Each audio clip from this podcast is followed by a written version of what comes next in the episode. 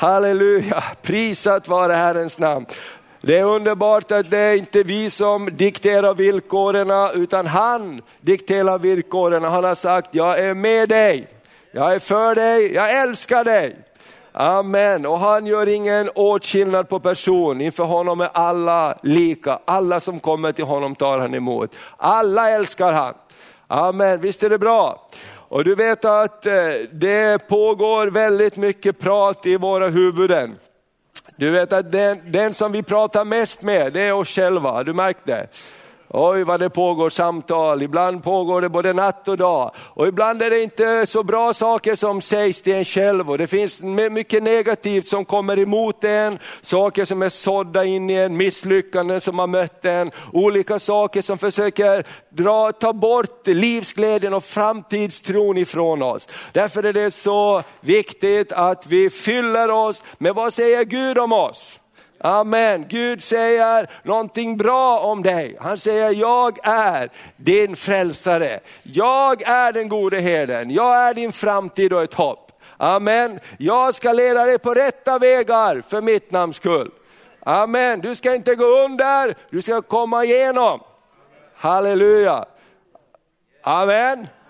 Halleluja, du vet att vi är så bombade med den där negativa eh, bombningen i våra skallar så vi knappt tror att det är sant att Gud är för oss.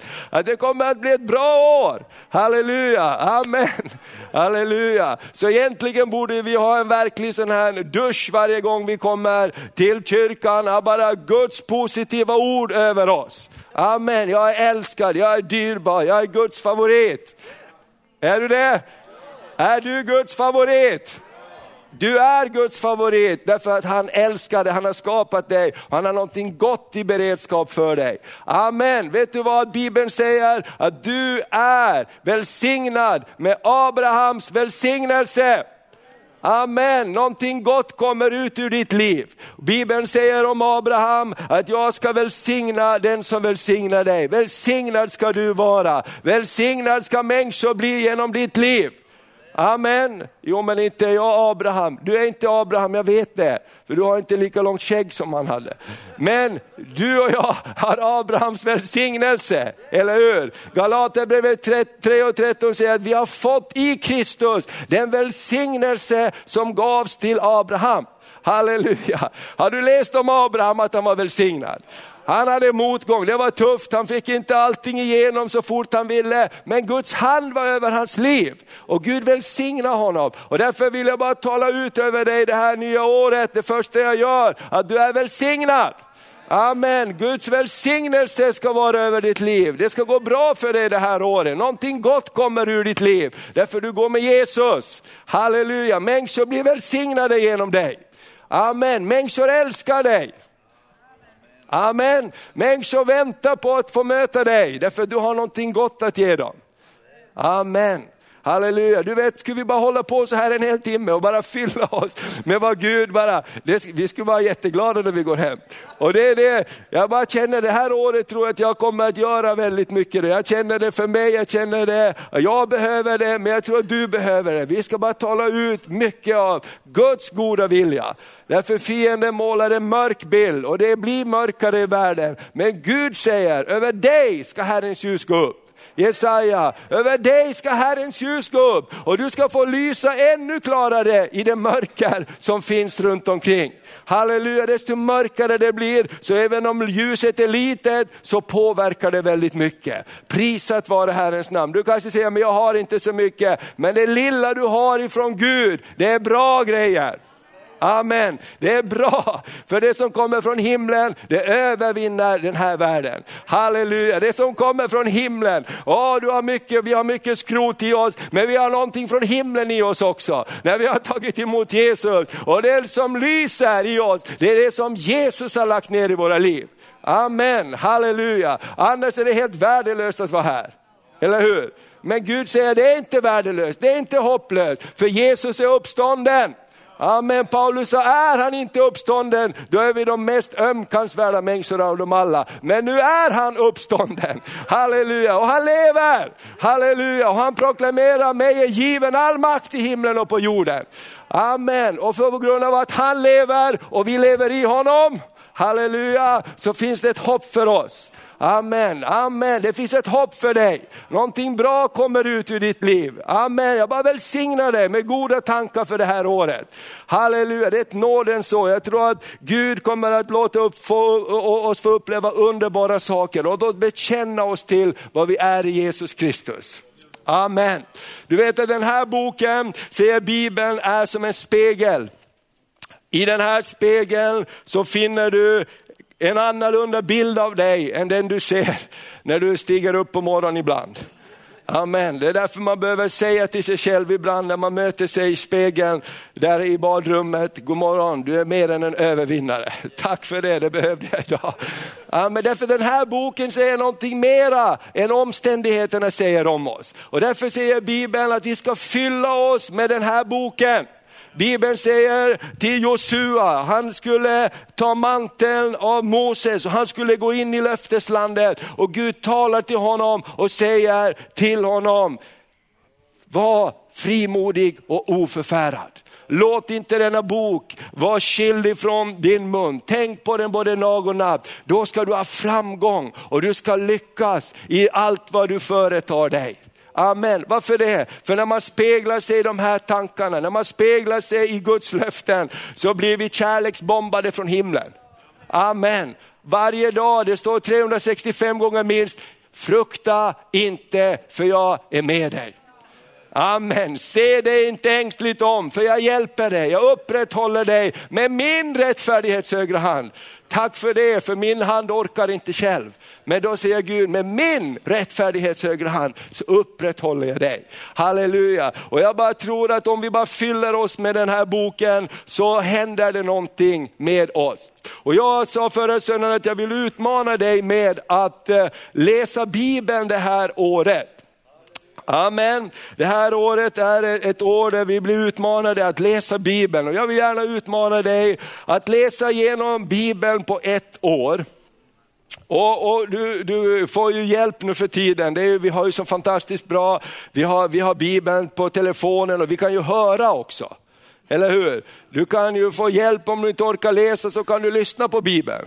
Amen. Men, och, och för någon kanske säger, ja, men hela Bibeln, 66 böcker, jag bara ser framför mig tredje Moseboken. Jag vet inte om jag orkar komma igenom alla dem. Du kanske säger, ja, men jag ska i alla fall läsa nya testamentet det här året. Och Saltaren, Ordspråksboken. Amen. Och när du är på gång så hittar du vägen där igenom. Jag tror att det är viktigt, därför att idag ska vi tala lite grann om den yttersta tiden också. Och vi ser hur fienden arbetar på högtryck till, mot Guds folk att inte vara befästa i vad boken säger. Och då blir det vad man känner, vad som är populärt. Och Bibeln säger till och med att i de yttersta dagarna ska människor samla sig ihoptals av dem som talar det som kliar dem i öronen. Och hur ska man då kunna säga, men hallå det där säger inte Bibeln. Ja men Bibeln det känns bara omodernt det där. Men, men någonting händer när vi älskar Jesus, någonting händer när vi läser Bibeln. Då, då, då hoppar man inte över de där ställena där det står helga dig. För imorgon ska du möta Gud. Helga dig, för en dag ska du stå inför tronen och göra räkenskap. Har du olja i dina lampor? Berättelsen om tio jungfrurna, hur ofta talar man om det? Hur ofta läser vi det? Ha olja i dina lampor. Det är lätt att läsa någonting annat som kliar in i örat. Vissa ord är väldigt utmanande och när vi väljer att läsa boken, då kan vi inte hoppa över vissa saker. Eller hur? Och därför så vill jag bara upp, uppmuntra dig och utmana dig. Och det är verkligen så här, jag har kollat lite grann, hur länge tar det att läsa Bibeln? För ibland kan man tänka det här är ju jättemycket, hur länge tar det? Men det tar ungefär 50 timmar att läsa Bibeln om man läser den tyst för sig själv. Så tar det ungefär 50 timmar. Om du läser den i jämförelse med en annan bok, hur många sidor det är hur många bokstäver och ord det är, så tar det ungefär 50 timmar. Om vi är i Norrland så lägger vi på lite grann. Så, så om man säger att det tar en timme per vecka, eller hur? Och det är ju inte jättemycket. Om man läser den, och det, det betyder att man läser tre, tre till fyra kapitel varje dag. Eller så kan man tänka sig så här att man läser, det är 66 böcker och många av böckerna är ju väldigt små, en del är bara en sida. Så man kan tänka, jag ska mata igenom de här 66 böckerna. Ibland när man läser så går ju en bok jättefort. Jag har läst Esra och det är ju bara man läser, det går, man läser ju en bok fort för det är spännande. Nehemja, hur de byggde muren, det är ju spännande. Ester, hela hennes story, det är ju jättespännande. Josua, hur de intog landet. Samuelsböckerna, de här stora slagen, berättelserna. Många är ju spännande. Eller hur? Du behöver inte säga, jag måste läsa Bibeln. Men det är ju spännande också. Eller hur? David slår Goliat och alla möjliga grejer som händer. Daniel i lejongropen och så hamnar man lite längre bak i Daniel och det är massa årsveckor, man fattar ingenting. Men man bara, tack gode Gud för att du har koll på det här. Eller hur? Att inte du behöver ha koll på det och så visar det sig. Och sen när man kommer till nya testamentet ser du att det finns uppenbarelse av uttydning av det som händer i gamla testamentet. Så jag vill bara utmana dig, hur många skulle kunna tänka sig tänka sig att läsa igenom Bibeln tillsammans med pastorn det här året som utmaning. Så frågar vi lite nu och då hur det går. Jättebra. Hur många kunde tänka sig då att läsa igenom nya testamentet det här året? Bra. Det var några till. Jättebra. Underbart. Idag har du räckt upp din hand inför himmelens Gud. Amen. Det står att hans ögon överfar hela jorden. Du kommer till det bibelstället också. Amen. Och så står det också att han är nådefull och barmhärtig om du känner att det går tungt någon gång.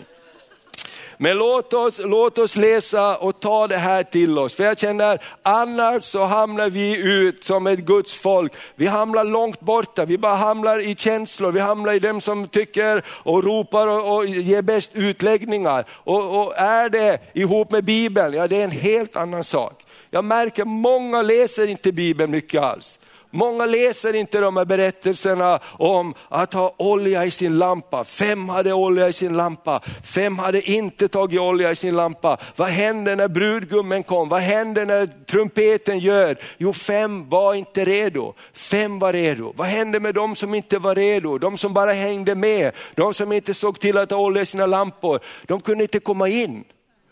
Amen. Vad händer med bibelställen om att helga sig och, och, att avskilja sig från, från världen för att kunna möta Jesus? Vet du vad helgelse betyder? Helgelse betyder att förbereda sig. Amen. Kommer du ihåg hur det var när du var kär? Ja, du är kanske det fortfarande hoppas jag. Men när man skulle träffa den som, som man, vars hjärta man ville vinna, man, man, man förberedde sig, eller hur? Man helgar sig på det sättet att man kollar sig i spegeln och tänkte, är det bra det här? Va? Eller hur? Man förberedde sig för man skulle möta någon som var viktig för en. Amen. Och det är det som att helga sig, är Jesus viktig för oss, då måste vi förbereda oss för att möta honom. Är han inte viktig för oss, ja då bara hänger vi med, var glad Jesus att jag kom överhuvudtaget. Hur kul är det?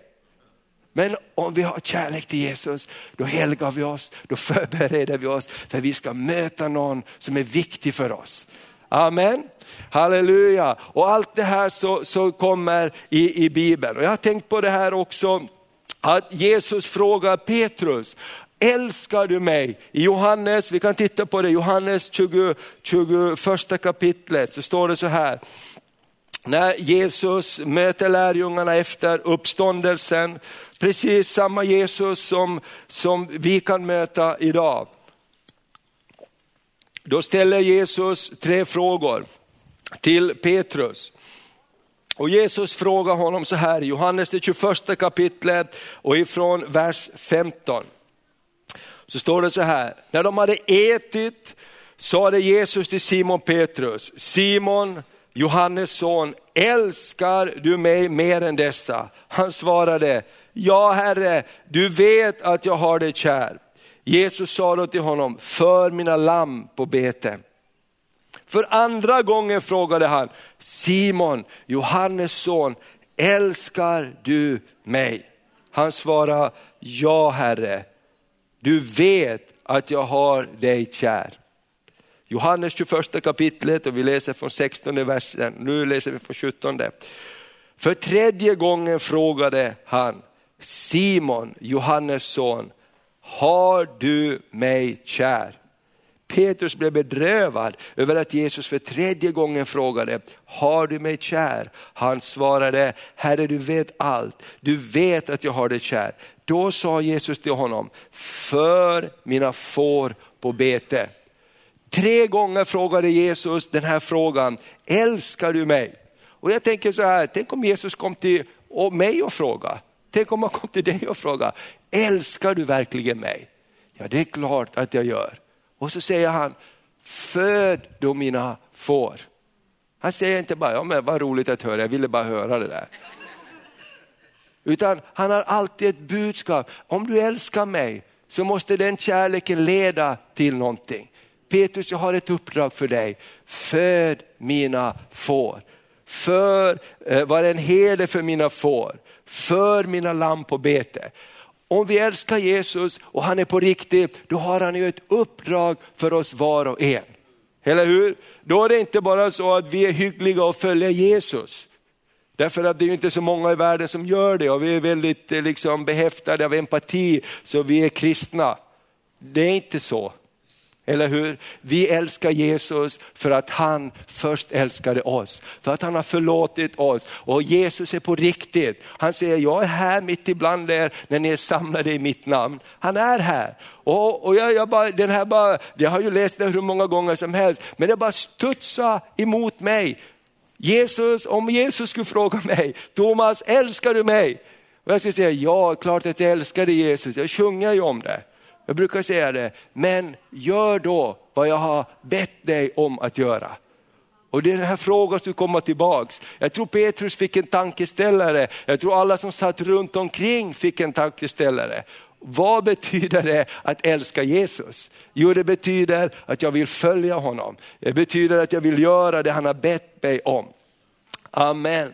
Du vet att Eh, det här att följa Jesus det här året, jag tror att det här att året är fantastiskt om vi vill följa Jesus och gå med Jesus. Och det är därför det är kamp om Guds folk att gå med Jesus, att vandra med Jesus. Därför att religion handlar om att hänga runt korset, att kolla på avstånd. Men tro på Jesus, det handlar om att bli korsfäst med honom och uppstånden med honom. Då måste vi ju leva med honom. Och jag kollar lite grann, det är underbart med internet ibland när man, när man, när man eh, behöver söka information. Jag, jag, jag, jag, jag sökte, vad, vad är det mest delade bibelordet i, i 2014?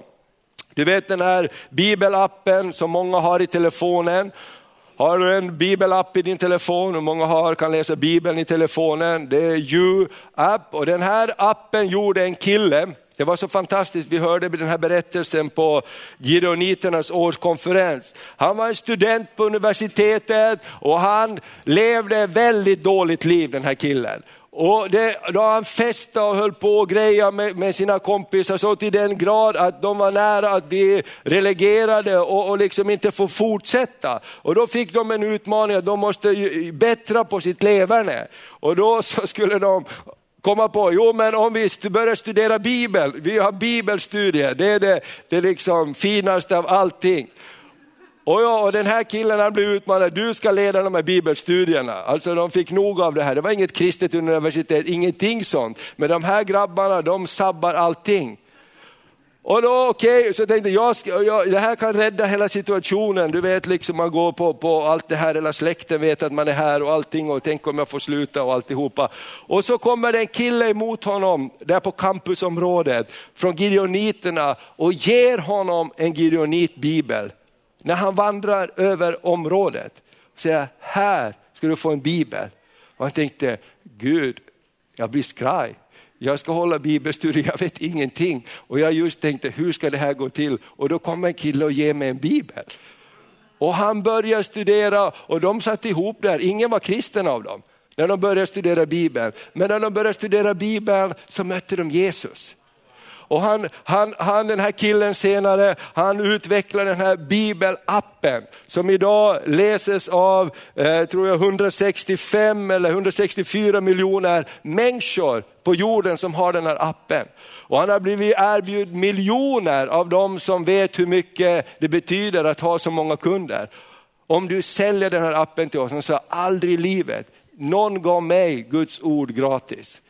Min kallelse är att se till att så många som möjligt kan läsa Bibeln över hela jorden. Jag säljer aldrig den här appen. Den har 164 eller 165 miljoner användare på jorden idag. För att någon gav honom ett, ett Guds ord. Visst är det härligt? Amen. Så, och idag den är, amen, det är värd en applåd till Jesus. Amen. Och jag, och jag, tänkte så här, vi kan sätta upp den här listan eh, på, på bibelorden som är mest delade och eh, de orden så är det så häftigt att det mest delade bibelordet 2014 det är Romarbrevet 12 och 2. Romarbrevet 12 och 2. På e-mailen. Okej, okay. Romarbrevet 12 och 2 är det mest delade bibelordet. Jag tror det delades mer än eh, 67 miljoner gånger eller någonting. Och vad säger det? Vad säger Romarbrevet 12 och 2? Anpassa er inte efter denna, ska vi läsa tillsammans. Och anpassa er inte efter den här världen utan låt er förvandlas genom sinnets förnyelse så ni kan pröva vad som är Guds vilja, det som är gott och fullkomligt och behagar honom. Det är det mest delade bibelordet 2014. Amen. Tror du Gud säger någonting till sitt folk över hela jorden? Förvandla era sinnen. Alltså, varför delar man ett bibelord? Jo, man läser det och säger, wow, det här var bra. Det här vill jag dela till mina vänner. Det här var så bra, jag känner Gud talar till mig, jag måste förvandla mig, jag måste tänka på vad jag tänker på. Jag måste förvandla mitt sinne så jag inte går med den här världen, så jag inte gör allt vad den här världen gör. Och så de andra bibel, andra och tredje plats är Filippe brevet 4 och 8 och, och, och, vi kan titta på det. Och det tredje mest delade är Filipperbrevet 4 och 6. Och det talar lite om de här sakerna också, att tänka på rätt saker. Jag blev jätteglad när jag såg det här. Och jag tänker, vad, Gud du håller på att tala till ditt folk, du förbereder ditt folk att inte dras in i världens tänkande på allting, utan helga oss att tänka på att vandra med Gud. Så här står det i Filipperbrevet 4, vers 6. Gör er inga bekymmer för någonting, utan låt Gud i allt få veta era önskningar genom åkallan och bön med tacksägelse. Vers 7 säger, då ska Guds frid som övergår allt förstånd bevara era hjärtan och era tankar i Kristus Jesus.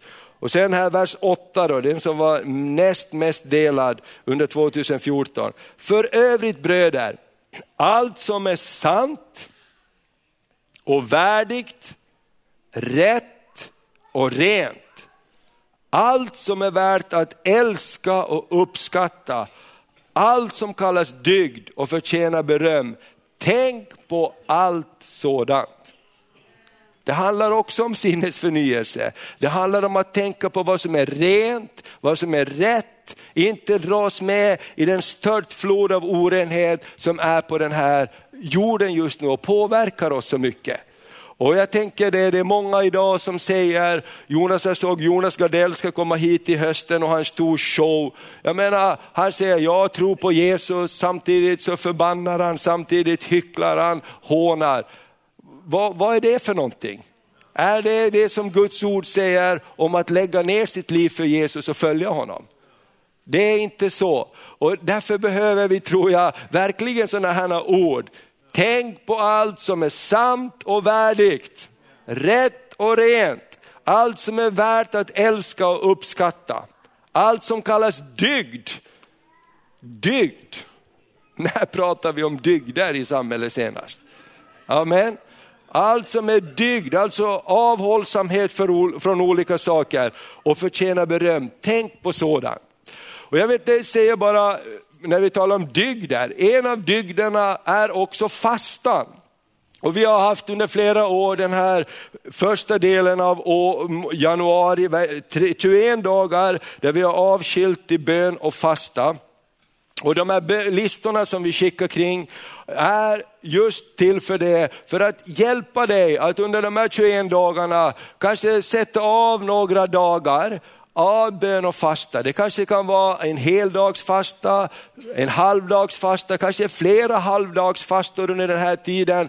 Kanske under den här tiden stänga tvn eller stänga Facebook eller göra någonting som du känner att tar väldigt mycket av din tid. Bara liksom för att avskilja någonting, helga den här tiden för att söka Herren. Och jag bara tror att den välsignelse som vi har fått möta det här året 2014 i församlingen, jag är överväldigad. Jag tror att mycket går tillbaks till att vi tog tid i början av året och söker Gud. Gud, nu är ett nytt år framför oss. Gud, hjälp oss att avskilja tid här och fokusera och tänka dina tankar och, och ta tid i bön också. Så vi kommer att ha extra bönetillfällen den här veckan på onsdag kväll, torsdag kväll och mot helgen så har vi Rure Borgsjö som kommer från Livets Ord i Uppsala. Han var här förut i höstas, en underbar broder med stark andens tilltal för att hjälpa oss också att fokusera på Herren. Amen. Och sen har vi böneveckan nästa vecka, ekumeniska, du får höra lite mera om den här i pålysningarna. Så ta gärna och, och, när den här listan kommer förbi och så kanske du kan skriva en halv dag eller en dag eller vad du gör och så kommer vi att fortsätta nästa söndag också att kika runt den så du kan vara med. Men jag tänker låt oss ta de här 21 dagarna och så tar vi så mycket tid vi kan och kommer tillsammans och ber och söker Herren. Lyfter upp de ord som Gud har talat till oss om. Amen. Jag tror verkligen av hela mitt hjärta att det här året är ett nådens år och det bästa ligger framför, det bästa har vi kvar. Jag tror att vi ska gå in och gå med Gud, för att gå med Gud det är spännande. Gå med Gud är välsignat. Halleluja, gå med Gud, halleluja. Det, det gör att dina begränsningar inte begränsar ditt liv, utan du får gå med Gud. Halleluja, Gud öppnar dörrar, Gud ger dig favör, Gud lyfter upp dig som inte du själv kunde göra. Amen. Halleluja, visst är det spännande att gå med Gud. Halleluja, amen. Tänk om 2015 kunde vara ett år när det slutar som vi säger, wow, Gud det här trodde vi aldrig att, det här, visst är det härligt att kunna vara så ärlig och säga, det här trodde vi aldrig. Till och med, Gud du har gjort mera än vad vi ber och tänker om.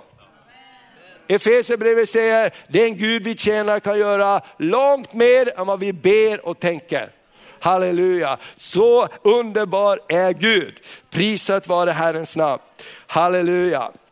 Så låt oss söka Gud av hela vårt hjärta. Och när vi söker Gud tror jag också Gud kommer till oss och han utmanar oss. Vi ska titta lite grann i Esra bok. Den här första söndagen på året så blir det lite hopplock av olika saker men jag tror att du känner, hoppas du får ut någonting, du får plocka lite, det är smörgåsbord. Amen. Därför jag läste Esra här, Esra och Nehemja bok hänger ihop och jag började läsa Esra bok. Och, och det är ju Esra och Nehemja, Esra var prästen och Nehemja var den som byggde upp murarna som hade förfallit. Och, och, och eh, när de kommer tillbaks så, så, så börjar de upprätta ordningarna igen och de börjar titta i boken. Vad säger Gud? Vad har Gud sagt till oss? Och så när de kommer tillbaks, de har varit i fångenskap och, och, och eh, när de kommer tillbaks och de börjar damma av bokrullarna, de börjar öppna bibeln, de börjar läsa bibeln igen, så ser de, vi har ju glömt vad Gud har sagt till oss. Och jag, blev, jag blev så omskakad när jag läste det här, därför att i de här kapitel 9 och 10, kapitel 9 så står det Esra klagan över folkets otrohet. Jag kan läsa kapitel 9 lite grann.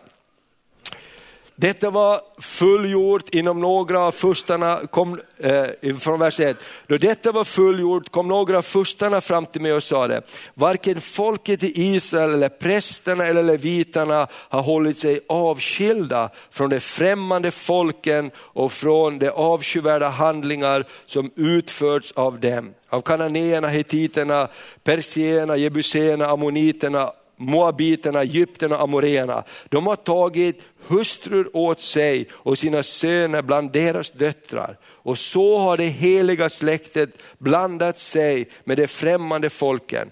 Förstan och föreståndaren har varit de första att begå sådan otrohet. Och när jag hörde detta rev jag sönder min livrock och min kåpa, ryckte av mig hår och skägg och blev sittande i djup sorg. Då kom alla som fruktade Israels Gud och samlade sig omkring mig på grund av den otrohet som, hade hem, som de hemkomna fångarna hade begått. Jag blev sittande i min djupa sorg ända fram till aftonoffret. Men när det var dags för aftonoffret steg jag upp från min bedrövelse med sönderdriven livrock och kåpa. Jag föll ner på mina knän och räckte ut mina händer till Herre min Gud och sa, min Gud, jag skäms och jag blygs för att upplyfta mitt ansikte till dig min Gud. För våra missgärningar har växt oss över huvudet och vår skuld är så stor att den når upp till himlen.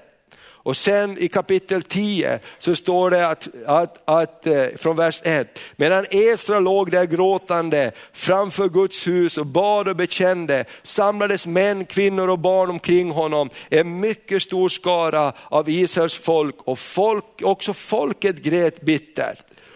Och Sekania, Jehiels son av Ulams barn, sa det till Esra, vi har varit otrogna mot vår Gud genom att ta till oss främmande kvinnor från de andra folken här i landet. Men ännu finns det hopp för Israel i den sak det gäller.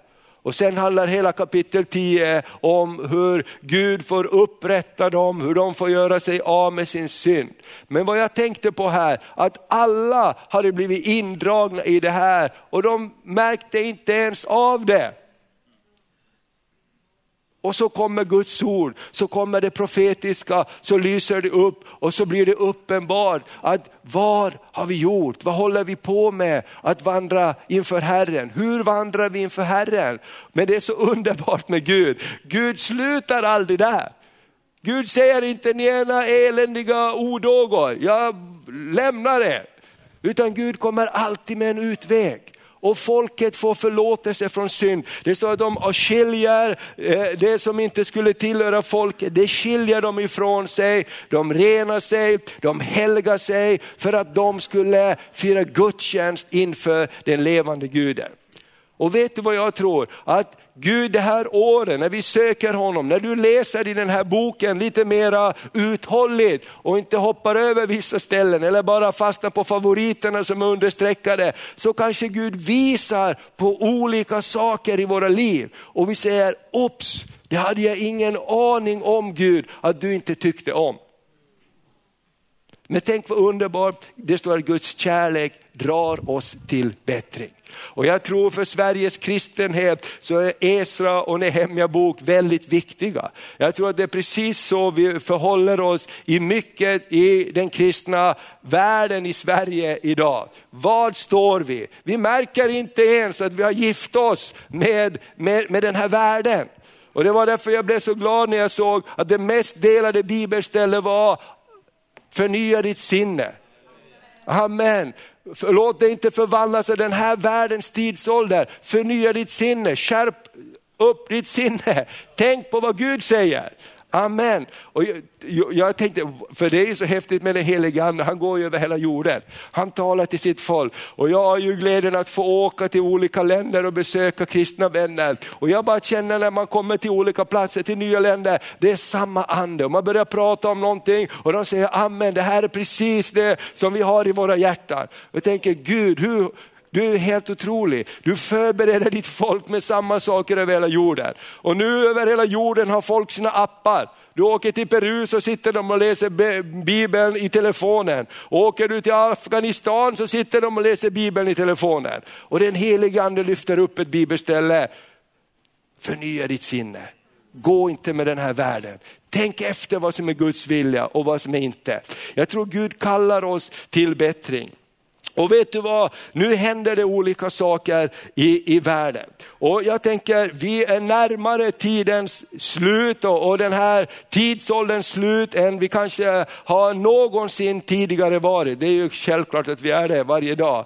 Men, men tidens tecken har kanske aldrig varit så tydliga som nu, att Jesus snart kommer tillbaks. Vi har i, i Lukas, vi kan läsa i Lukas 21 kapitel, kan vi läsa några verser där. Och, och, eh, för det är lärjungarna som frågar Jesus om den yttersta tiden. Och eh, han tar upp olika saker, Jesus, vad som, vad som ska hända här. Och vi kan läsa från vers 7, Lukas 21 och vers 7.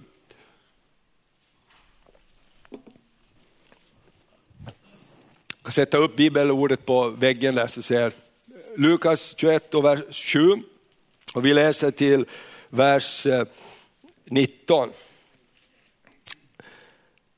Står det så här, Jesus, Jesu lärjungar samlades runt honom och så frågade de honom från vers 7, Mästare, när ska detta ske och vad blir tecknet på att det står för dörren? Han svarade, se till att ni inte blir vilseledda, ty många ska komma i mitt namn och säga, jag är Messias och tiden är nära, men följ dem inte. Och när ni får höra om krig och uppror, så bli inte förskräckta. Ty sådant måste först hända, men det betyder inte att slutet kommer omedelbart.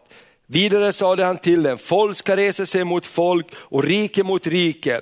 Det ska bli stora jordbävningar och svält och pest på den ena platsen efter den andra. Fasansfulla ting och stora tecken ska visa sig från himlen. I morse så eh, tittade jag lite på text-tv, på tvn och så läste jag han FN generalsekreteraren sa att 2014 har varit det värsta året. Va? Med allt som har hänt med Isis, med Ukraina, och bara räkna upp grej efter grej som bara händer runt jorden och, och vad som har ödelagt alla flyktingströmmar. Han skrev FNs fond för bistånd har för, tror jag för första gången tagit slut. De hade inte pengar att köpa mat till de som, miljonerna som är i, i, i lägren, som bor i tältläger. Det har inte hänt förut, men vi har inga pengar att köpa mera ris säger FN, det har tagit slut för det är så många, alla flyktingströmmar som är på, på väg. Och det står om jordbävningarna och de kraftiga skyfallen och så vidare. Och i vers 12. Men innan allt detta händer så ska man gripa och förfölja er, man ska utelämna er åt synagogor och fängsla, fängelser och ställa er för kungar och landshövdingar för mitt namns skull. Detta ger er tillfälle att vittna. Bestäm er därför att inte förbereda något försvarstal, för jag ska själv lägga orden i er mun och ger vishet som ingen av era fiender kan säga emot. Ni kommer att bli förrådda eh, av eh, föräldrar och bröder, släktingar och vänner och en del av er ska man döda. Och ni ska bli hatade för alla för mitt namns skull. Men inte ett hår på ert huvud ska gå förlorat. Genom att stå fasta så skall ni vinna era själar. Amen. Och så står det också så här att eh, om Jerusalem, om Israel, att eh, tiden ska fullbordas, då hedningarnas tidsålder ska eh, fullbordas, när de ska trampa Jerusalem. I vers 24, det ska falla eh, för svärdseg och föras bort som fångar till alla hedna folk när det gäller judarna. Jerusalem kommer att trampas ner av hedningarna tills hedningarnas tider är fullbordade. Och idag vet vi att Israel är upprättad som en nation. Hedningarnas tid över Israel, över Jerusalem är slut. Och idag så trampar Israels barn, judarna, fötterna och gatorna på Jerusalems gator. De finns där och vi vet hur Gud bara genom ett mirakel, 48 så föddes landet Israel igen. Och alla de här sakerna blir så tydliga när man sätter ihop det här. religionssynkretismen, man blandar ihop religioner som aldrig förr och man säger bara vi tror på Gud är det bra, vilken Gud den är spelar ingen roll. Men det är inte det Bibeln säger. Bibeln säger att Jesus är vägen, sanningen och livet. Och alla de här sakerna som händer. Och jag, jag tror att många med mig också blev förvånade när vi såg på tvn här innan jul hur, eh, eh, hur Peter Gide, jag vet inte om ni såg det, hur de hade på TV, TV, TV, Nyhetsmorgon på TV4, hur det var några som provade att sätta ett chip i handen. Vi ska titta på ett klipp som gäller det, men först så ska vi läsa Uppenbarelseboken 13 och 16. För jag tänker så här, det talas om vilddjuret och vilddjurets märke. Och vi kan läsa Johannes uppenbarelse, uppenbarelseboken kapitel 13 och vi kan läsa några verser framåt. Från vers 14 kan vi läsa till vers 16.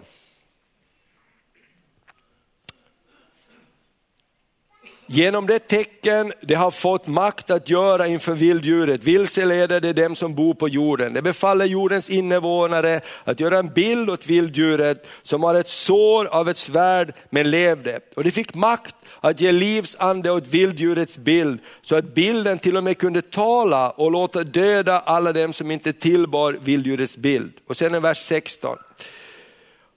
Och det tvingar alla, både små och stora, rika och fattiga, fria och slavar att ta emot ett märke på högra handen eller pannan. Så att ingen kan köpa eller sälja utan den som har märket vilddjurets namn eller dess namns tal.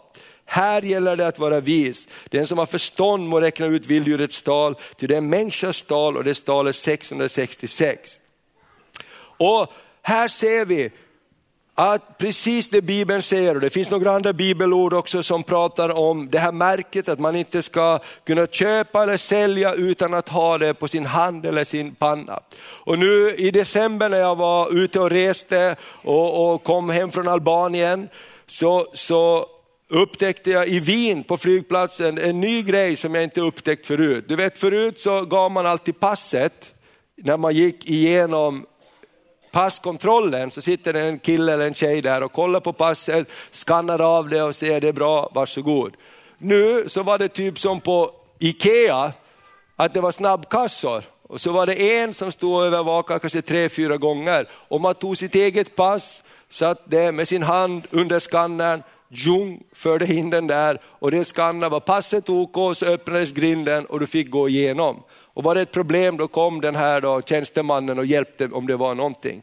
Jag, jag, det var lite skrämmande, för jag tänkte, varför ska jag ha ett pass här? Jag kan väl bara sätta in handen här och är jag grön så går jag igenom. Alltså det här som var så viktigt förut, man fick stå där och han kollade på passet, det gjorde man själv nu. Och det kommer säkert mer och mer. Pang igenom. Och, och, och jag tänkte vi ska titta på det här klippet och, och eh, eh hur snabbt det går. Och jag tänker precis så här kommer djävulen att göra. Han indoktrinerar oss att det är ingen fara, det går lätt och det är smidigt och det är precis det det är. Tänk att ha passet i handen, tänk att ha bankkortet i handen, tänk att ha körkortet i handen. Du tappar det aldrig, det blir aldrig några förfalskningar. Det kommer att vara perfekt, ingen rånrisk. Eller hur? Ingen som tar dina kort. Det här är ju perfekt. va? Och jag läste lite hur, på nätet hur all den här tekniken finns färdig redan och, och, man kan ha den, man kan öppna dörrar liksom, istället för att ha en, en, kod som blippar till när du ska gå igenom en dörr. Så bara känner den av att din hand är där och det är du och då öppnas dörren på arbetsplatser och så vidare. Men jag tänker så långt framme är vi. Vi kan titta på det här klippet. Jag tar bort uppenbarelseboken kanske. Där. Hålla handen. Ska vi köra? Peter, djupt andetag. Och andas ut. Undrar när han ska sticka. Lite så, eller hur? Gjorde det lite ont? Vad skönt var det när den gick. Jag säger det, han gillar ju smärta. Det är knas alltså. Ja, jättebra jobbat. Du, när du ändå är här, kan du inte bara sätta in någonting här någonstans? Det här var bara ett litet klipp som visar hur fort det går att applicera ett chip i handen. Det tog inte ens 30 sekunder så var allting klart. Och det är så litet att det sitter i en spruta och det bara tjops, så har man det inne. Och jag menar, och så pratar man ut, du kan titta mera på internet om du vill på TV4 morgonsoffa, hur det var, hur det var skönt det här och det är inga problem och man måste ju vara lite nytänkande och så här. Och så har vi hela Guds folk som kan läsa i Bibeln. Det här är det som Bibeln säger. Det är det här som är förutspått och förutsagt genom profeterna. Jag menar, förut så sa vi att det här var science fiction, eller hur? Och man hade det i någon propagandafilm för att skrämma lite grann att så här kommer det att bli en dag. Idag sitter liksom en av våra mest populära killar på Nyhetsmorgon och gör den här grejen för att visa hur ofarligt det är. Tror du att vi lever i den tid där Jesus kan komma när som helst? Alltså så många saker som förut, jag tror för hundra år sedan måste det ju ha varit, eh, hade man tänkt att då ska alla tatuera sig. Eller hur? Alltså det är svårt att tolka Bibeln utifrån det sammanhang man lever. Men idag förstår vi ah, med all teknik hur allt det här, det är ju bara hur rätt som helst, eller hur? Tänk att aldrig behöva vara orolig för att du har glömt eh, körkortet, eller bankkortet, eller passet när du ska ut och resa. Allt sitter ju där. Det kommer att säljas in på ett så tryggt sätt och människorna älskar trygghet, eller hur? Du vet, jag menar idag i lilla Övik så jag tror jag att det är bara Handelsbanken som har pengar om man vill ta ut pengar på banken. Annars måste man beställa i god tid om du vill ta ut pengar på en bank. Va? Det hade ju varit känt för 10-15 år sedan om någon sagt, det finns inga pengar på banken. Är du inte klok? Det är ju där pengarna finns. Eller hur? Men det är ju så lätt att man inte ens tänker på de här sakerna. Därför man blir så liksom, allting händer ju bara, det bara är så här. Och därför tror jag att när vi börjar läsa Bibeln, när vi börjar, börjar den heliga ande tala till oss och så blir vi uppväckta i vårt inre. Vad är det som händer? Amen. Vad är det som händer? Vilken tid är det? Är det dags att vi måste helga oss? Är det dags att vi måste rena oss? Är det dags att vi måste gå på ett nytt sätt med Jesus? Älska honom på ett nytt sätt med Jesus. Ge mera det här året, sträcka ut tältpinnarna ännu mera det här året. Halleluja, den här bönen som Roger Larsson fick sa att vi skulle, skulle vi älska den här staden tillbaks till Gud. Halleluja! Och hur kan vi älska den här staden tillbaks till Gud? Jo, desto mera kärlek som fyller oss, desto mera kärlek går ut i världen. Amen. Och jag tror att det bästa ligger framför, det bästa har vi verkligen kvar. Amen. Så det sista bibelordet, Jesaja, eh, Josua 1 och 8. Sen ska vi fira nattvard tillsammans. Josua 1 och 8. Låt inte denna lagbok vara skild ifrån din mun. Tänk på den, tala enligt den, dröm enligt den. Halleluja.